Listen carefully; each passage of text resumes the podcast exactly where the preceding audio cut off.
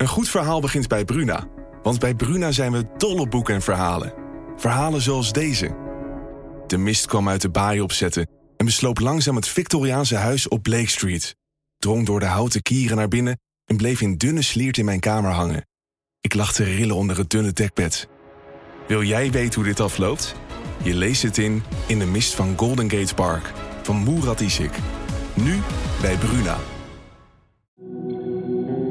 Je hoort het verhaal van de slimme Jessica Mullenberg uit Wisconsin.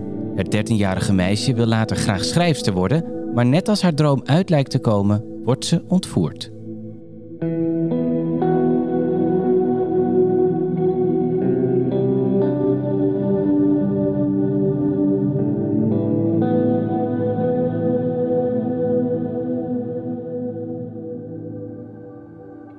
Je luistert naar onze podcast Ontvoerd. Wij zijn Maya Noordam en Kevin van den Berg. Zoals iedere week duiken wij een ontvoeringszaak die wereldwijd voor opschudding heeft gezorgd. Wil je een beeld krijgen bij de ontvoeringen die wij bespreken? Volg ons dan op Instagram via ontvoerd de podcast. Dit is Ontvoerd, aflevering 39, Gesloten boek. Onze waargebeurde ontvoeringsverhalen bevatten schokkende details over geweld, seksueel misbruik, claustrofobie en of mishandeling. Ben je jonger dan 18 jaar of gevoelig voor deze details? Dan adviseren we je om niet naar onze podcast te luisteren. Jessica Mullenberg woont samen met haar twee broers, haar moeder Monica en haar stiefvader Jake in Stevens Point, Wisconsin. Jessica's ouders zijn gescheiden en om het weekend gaat ze samen met haar broers naar haar vader Dale, die op bijna twee uur rijden in Eau Claire woont. Lange tijd heeft Jessica daar ook gewoond, maar het gezin moest verhuizen vanwege het werk van stiefvader Jake. Jessica is een slim en stoer meisje. Ze houdt van voetballen en fietsen door de buurt. Ze draagt haar haren altijd in een paardenstaart en verkoopt vaak koekjes aan de buren. Ook is ze gek op schrijven. Dat is echt haar uitlaatklep na de scheiding van haar ouders. Maar wat niemand weet is dat Jessica al sinds haar achtste, dus al vijf jaar lang, wordt misbruikt door haar buurman, de inmiddels 39-jarige Stephen Oliver. Deze man was onderwijsassistent op haar oude school in Eau Claire, maar was samen met zijn zoon zogenaamd toevallig mee verhuisd toen Jessica samen met haar moeder, stiefvader en broers verhuisde naar Stevens Point. Ook zorgde hij ervoor dat zijn zoon in dezelfde klas terecht kwam als Jessica. In Stevens Point leek hij voor iedereen een aardige, normale man. Buurtgenoten hadden medelijden met hem omdat hij een alleenstaande vader was. Dus iedereen wilde hem en zijn zoon graag helpen en gezelschap houden. Kinderen uit de buurt gingen dus regelmatig naar het huis van de Olivers om daar te spelen of te logeren. Helaas bleek er achter het aardige masker van Stephen Oliver een roofdier schuil te gaan en hij is vooral erg geïnteresseerd in Jessica. Zij was de reden dat hij met zijn zoon verhuisde, zodat hij weer kon werken op haar school en zelfs naast haar kon wonen. Hij begint haar borsten en billen aan te raken tijdens het voetballen en zorgt ervoor dat hij constant bij haar in de buurt is. Jessica weet ergens wel dat het verkeerd is, maar ze gaat ervan uit dat een volwassene geen kwade bedoelingen heeft. Ze houdt dus haar mond over wat er met haar gebeurt. Naarmate het misbruik verder gaat, beseft Jessica steeds meer dat het niet goed is wat er met haar gebeurt. Maar Oliver vertelt haar dat als ze aan iemand vertelt wat hij met haar doet, dat hij haar hele familie vermoordt. Jessica gelooft hem direct. Hij doet immers al andere dingen waarvan zij weet dat het slecht is. Ze moet van Oliver zeggen dat ze het leuk vindt wat hij met haar doet en pas wanneer ze dat doet, stopt hij ermee. Hij slaat haar als ze hem niet aanraakt en uiteindelijk dwingt hij haar tot orale seks en geslachtsgemeenschap, soms wel twee keer per dag. Jessica walgt er elke keer van, maar het valt niemand op. Haar moeder en stiefvader moedigen haar en haar broers juist aan om naar Olivers huis te gaan om met zijn zoon te spelen. Oliver neemt hem mee naar de film en om ijsjes te halen en hij staat daarom heel goed bekend bij alle ouders in de wijk. Niemand heeft door wat er achter gesloten deuren gebeurt, in welke gruwelijke situatie Jessica zich bevindt. Ook op school kan Jessica niet ontsnappen aan Steven Oliver, waar hij dus werkzaam is als onderwijsassistent. Hoewel hij verschillende kinderen moet ondersteunen bij het leren, is hij altijd in Jessica's klas te vinden en helpt hij vooral haar. Het valt de leraren en leerlingen niet op. Zij denken gewoon dat Jessica wat extra hulp nodig heeft met haar schoolwerk. De kinderen hebben geleerd om geen opmerkingen te maken als iemand meer hulp nodig heeft op school, dus ze stellen verder geen vragen. In de pauzes is Oliver een van de volwassenen die toezicht houdt op de speelplaats. Maar terwijl het zijn taak is om kinderen veilig te houden tijdens de pauze, vormt hij voor Jessica het grootste gevaar. Hij duwt haar in een hoek waar niemand hen kan zien en betast haar.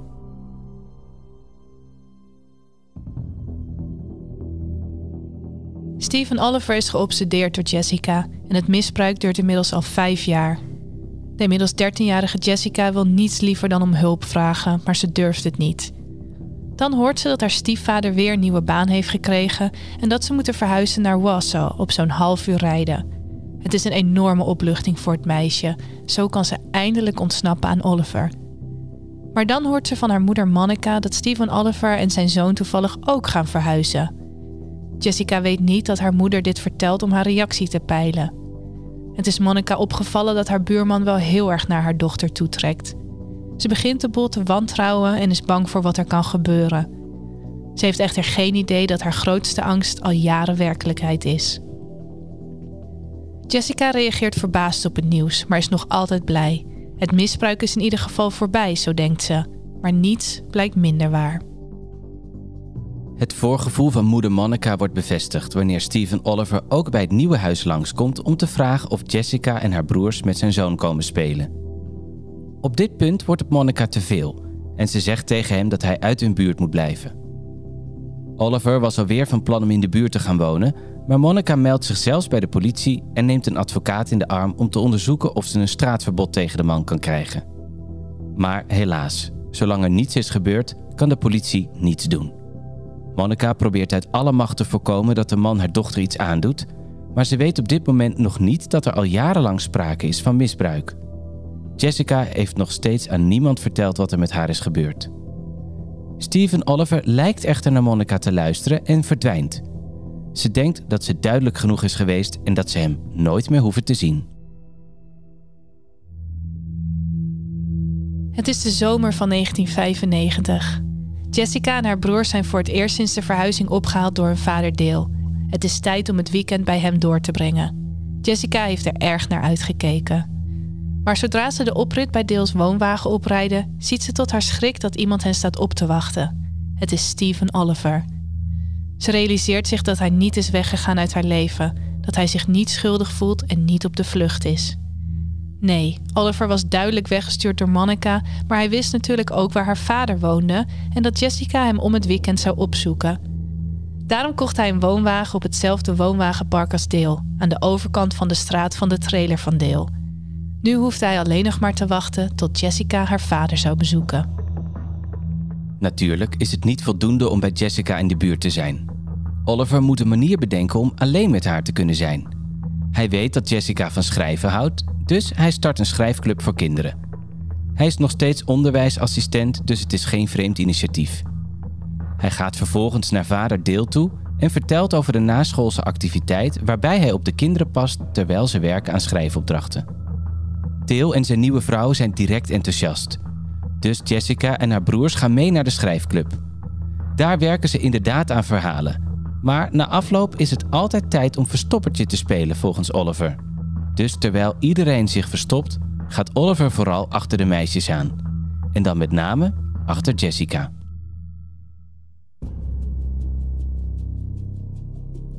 Moeder Monica had vader Dale en zijn nieuwe vrouw specifiek verteld dat Stephen Oliver geobsedeerd was door hun dochter en dat ze Jessica ten koste van alles bij hem weg moesten houden.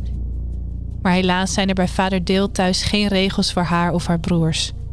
Samen met hun stiefbroers en zussen mogen ze doen wat ze willen. Als Stephen Oliver aan Dale vraagt of iedereen langs mag komen voor een logeerpartijtje, dan gaat hij zonder aarzeling akkoord. Hij moedigt het zelfs aan. Jessica hoeft nooit om een bepaalde tijd thuis te zijn en niemand let op haar. Jessica is weer volledig terug in de situatie waaraan ze dacht ontsnapt te zijn.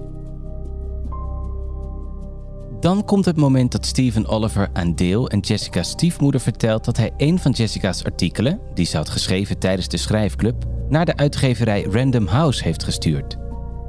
Ze waren geïnteresseerd geraakt en willen er nu misschien een boek van maken. Oliver zegt dat hij de aangewezen persoon is om haar mee te nemen naar een kennismaking bij het hoofdkantoor van de uitgeverij in Madison, aangezien hij de voorzitter is van de schrijfclub. Misschien kan hij wel een boekdeal voor haar regelen en dat betekent ook geld voor Dale en zijn vrouw. Dale gaat akkoord en Jessica vraagt aan hem: Is mama oké? Weet ze dat ik ga? Haar vader zegt ja, maar Jessica weet dat haar moeder dit nooit zou hebben toegestaan. Ze heeft echter geen keus, ze moet gaan. En een deel van haar is opgewonden dat ze misschien wel kans maakt op een boekdeal.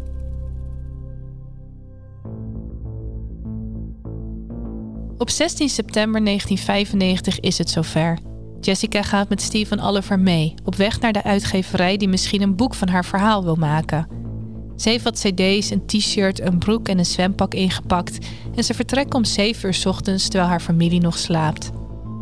Het is zo'n drie uur rijden naar Madison en onderweg valt Jessica in slaap. Wanneer ze even later wakker wordt, weet ze direct dat het foute boel is en dat ze in gevaar is. Haar handen en voeten zijn vastgebonden. Oliver ziet dat ze wakker is geworden en zegt tegen haar: Je bent niet langer Jessica. Je naam is Cindy Johnson en mijn naam is David Johnson. Ik ben je vader.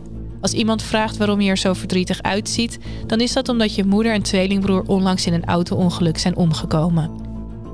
Jessica vraagt of ze na de afspraak bij de uitgeverij nog wel naar huis gaan. Oliver kijkt haar aan en zegt: Nee, er is geen boekdeal en je gaat nooit meer naar huis. Jessica is ontvoerd.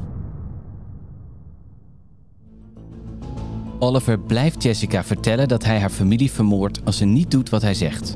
Het meisje besluit dat het beter is dat haar iets wordt aangedaan dan dat hij haar ouders of broers pijn doet. Ze rijden helemaal naar het vliegveld van Kansas City, op bijna 8 uur rijden van Eau Claire. Oliver zet een mes tegen haar rug en dwingt haar om naar binnen te gaan. Het is 1995 en de beveiliging op vliegvelden is veel minder dan nu en Jessica is nog niet als vermist opgegeven. Niemand op het vliegveld heeft dus enig idee wat er aan de hand is. Onder de valse namen Cindy en David Johnson vliegen Jessica en Stephen Oliver richting Houston. De volgende dag kan Dale zowel Oliver als zijn dochter Jessica niet bereiken.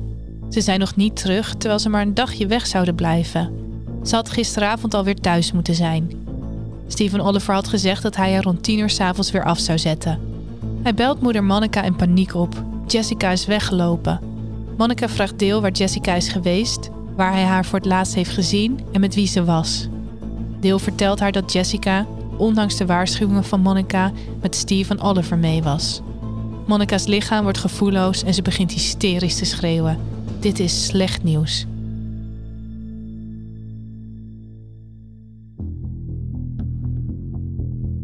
De politie wordt direct ingeschakeld.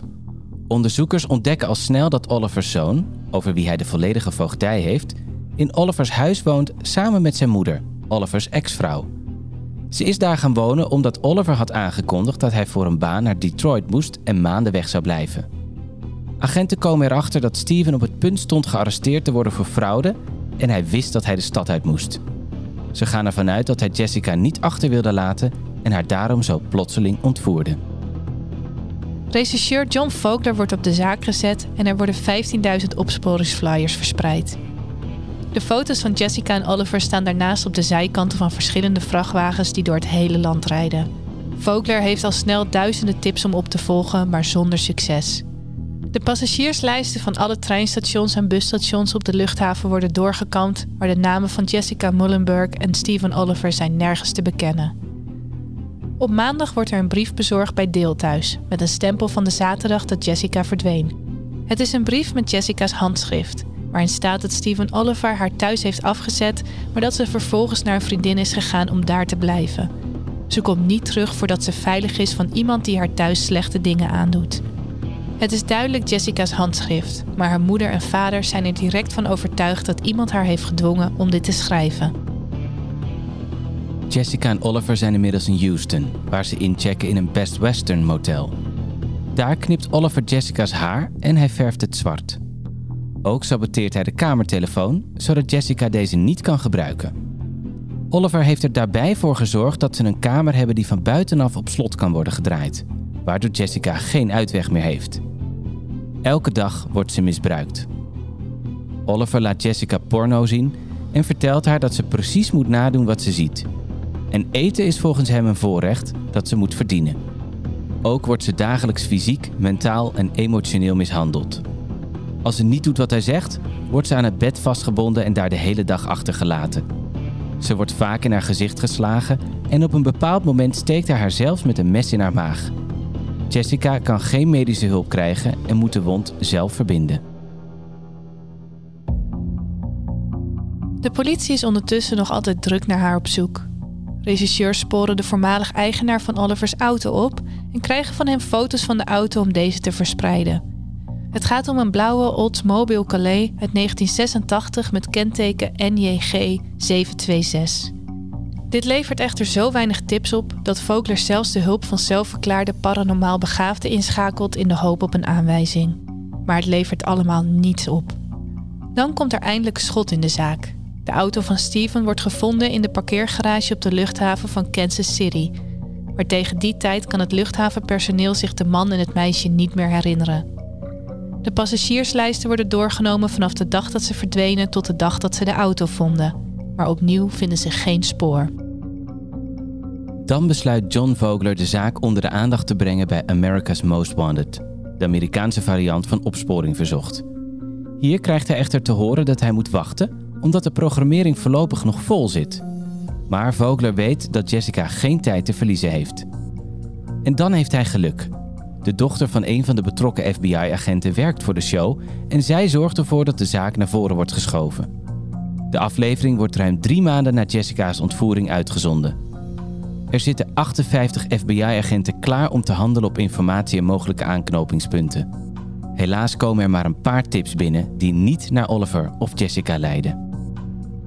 Jessica ondergaat ondertussen nog altijd de vreselijke behandeling van Steven Oliver.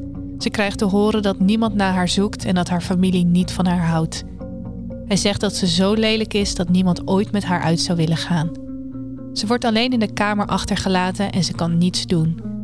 Ze is of vastgebonden aan het bed, opgesloten in de kamer, of ze heeft zoveel pijn dat ze niet kan bewegen. Ze probeert meerdere keren om om hulp te bellen, maar omdat Oliver met de telefoon heeft geknoeid, kan ze niemand bereiken.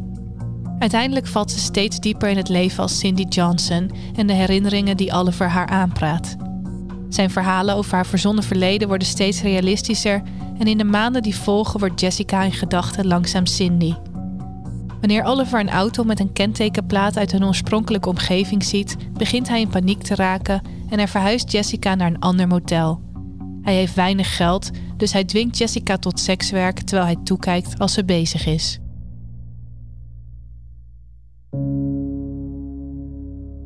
Dan is het 29 december, 104 dagen na de verdwijning van Jessica.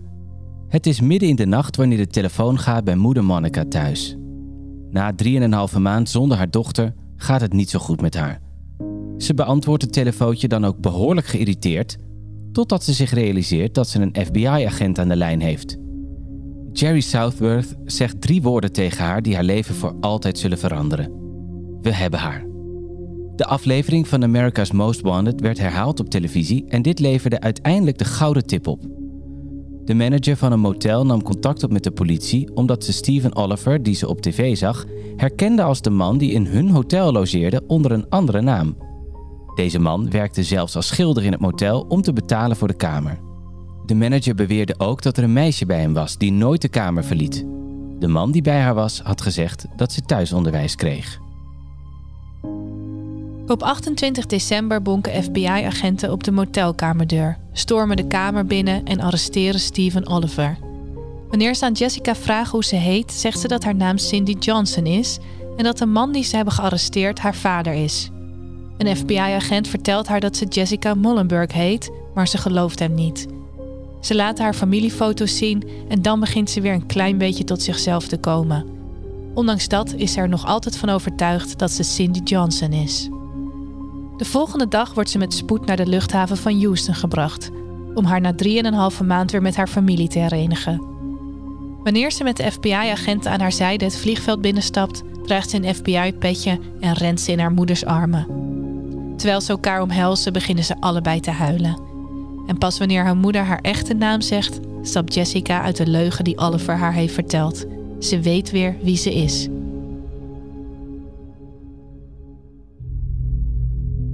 Jessica wordt voor controle naar het ziekenhuis gebracht en ze heeft uiteindelijk maar liefst 13 operaties nodig aan haar kaak vanwege de ernstige mishandeling.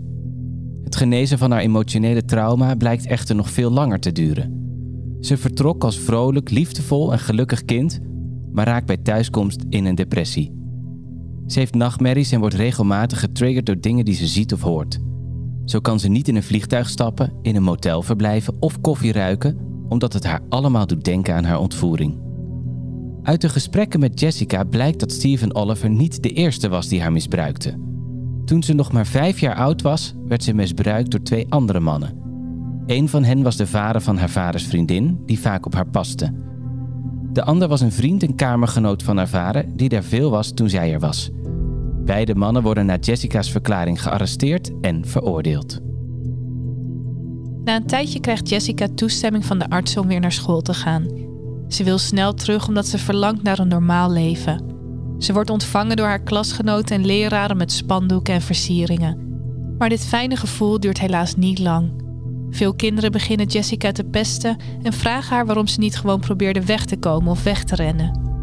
Leraren proberen in te grijpen en moedigen Jessica aan om door te zetten en Oliver niet nog meer van haar leven weg te laten nemen. Maar het beste gaat door en Jessica omschrijft deze periode later als een nachtmerrie, net zoals de ontvoering.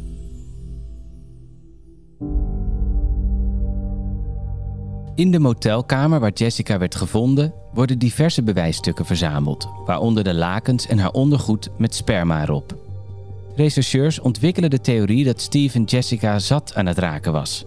Ze werd volwassen en werd niet langer zijn type. Ze gaan ervan uit dat hij op het punt stond om Jessica in de steek te laten of te vermoorden, zodat hij terug kon gaan naar zijn echte leven. In afwachting van zijn proces spreekt Oliver met verslaggevers. Hij zegt dat hij hoopt dat zijn medegevangenen hem direct vermoorden, omdat hij niet de rest van zijn leven in de gevangenis wil zitten. Hij vertelt dat hij een babyverkrachter wordt genoemd, maar dat hij van Jessica houdt alsof het zijn eigen kind is. Tijdens zijn proces wordt Stephen Oliver beschuldigd van ontvoering en het overtreden van de Mann Act. De Mann Act stamt uit 1910 en is ontworpen om mensenhandel te voorkomen. Het stelt het vervoeren van elke vrouw met als doel prostitutie of enig ander immoreel doel strafbaar. Oliver beweert dat Jessica was weggelopen en dat hij haar alleen maar hielp ontsnappen uit de handen van een gewelddadig misbruikend familielid. Uit DNA-testen bleek echter dat het sperma op de lakens en haar ondergoed van Stephen Oliver waren. Oliver probeert nog te stellen dat de spermavlekken niet door geslachtsgemeenschap kwamen, maar Jessica legde een getuigenis af waarin ze haar kant van het verhaal vertelde. Ze stond in de rechtszaal dapper voor haar misbruiker en vertelde wat hij urenlang met haar had gedaan. Zelfs daarna weigerde Oliver de verantwoordelijkheid te nemen voor zijn daden. Stephen Oliver werd veroordeeld tot 480 maanden wegens ontvoering en tot 120 maanden voor het overtreden van de Mann Act. Uiteindelijk betekende dit dat hij 40 jaar gevangenisstraf kreeg zonder kans op voorwaardelijke vrijlating. In 2013 komt Oliver in het nieuws. Twee gevangenisbewakers zijn gearresteerd omdat ze een andere gevangene hem hebben laten mishandelen. Tijdens een transport naar een staatsgevangenis zaten er drie gevangenen in een busje, waaronder Stephen Oliver. Op een gegeven moment pakte een van de gevangenen metalen handboeien en viel de andere gevangenen aan. Jamie Massey wurgde Corey Simmons en sloeg Stephen Oliver verschillende keren. De agenten stopten de aanval niet en rapporteerden deze ook niet. Maar Oliver overleefde het incident.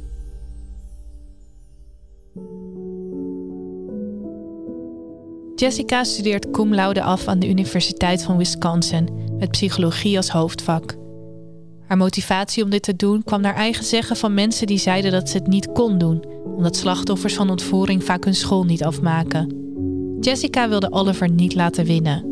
Ze begon op scholen te spreken over seksueel misbruik en wat kinderen moeten doen als zij in die situatie zitten. Ze wil er alles aan doen om te voorkomen dat jongens en meisjes slachtoffer worden. Ze probeerde ook een baan te krijgen als een soort vertrouwenspersoon op een school, maar ze werd niet aangenomen omdat uit haar psychologische test bleek dat ze PTSS had. Ze was woest.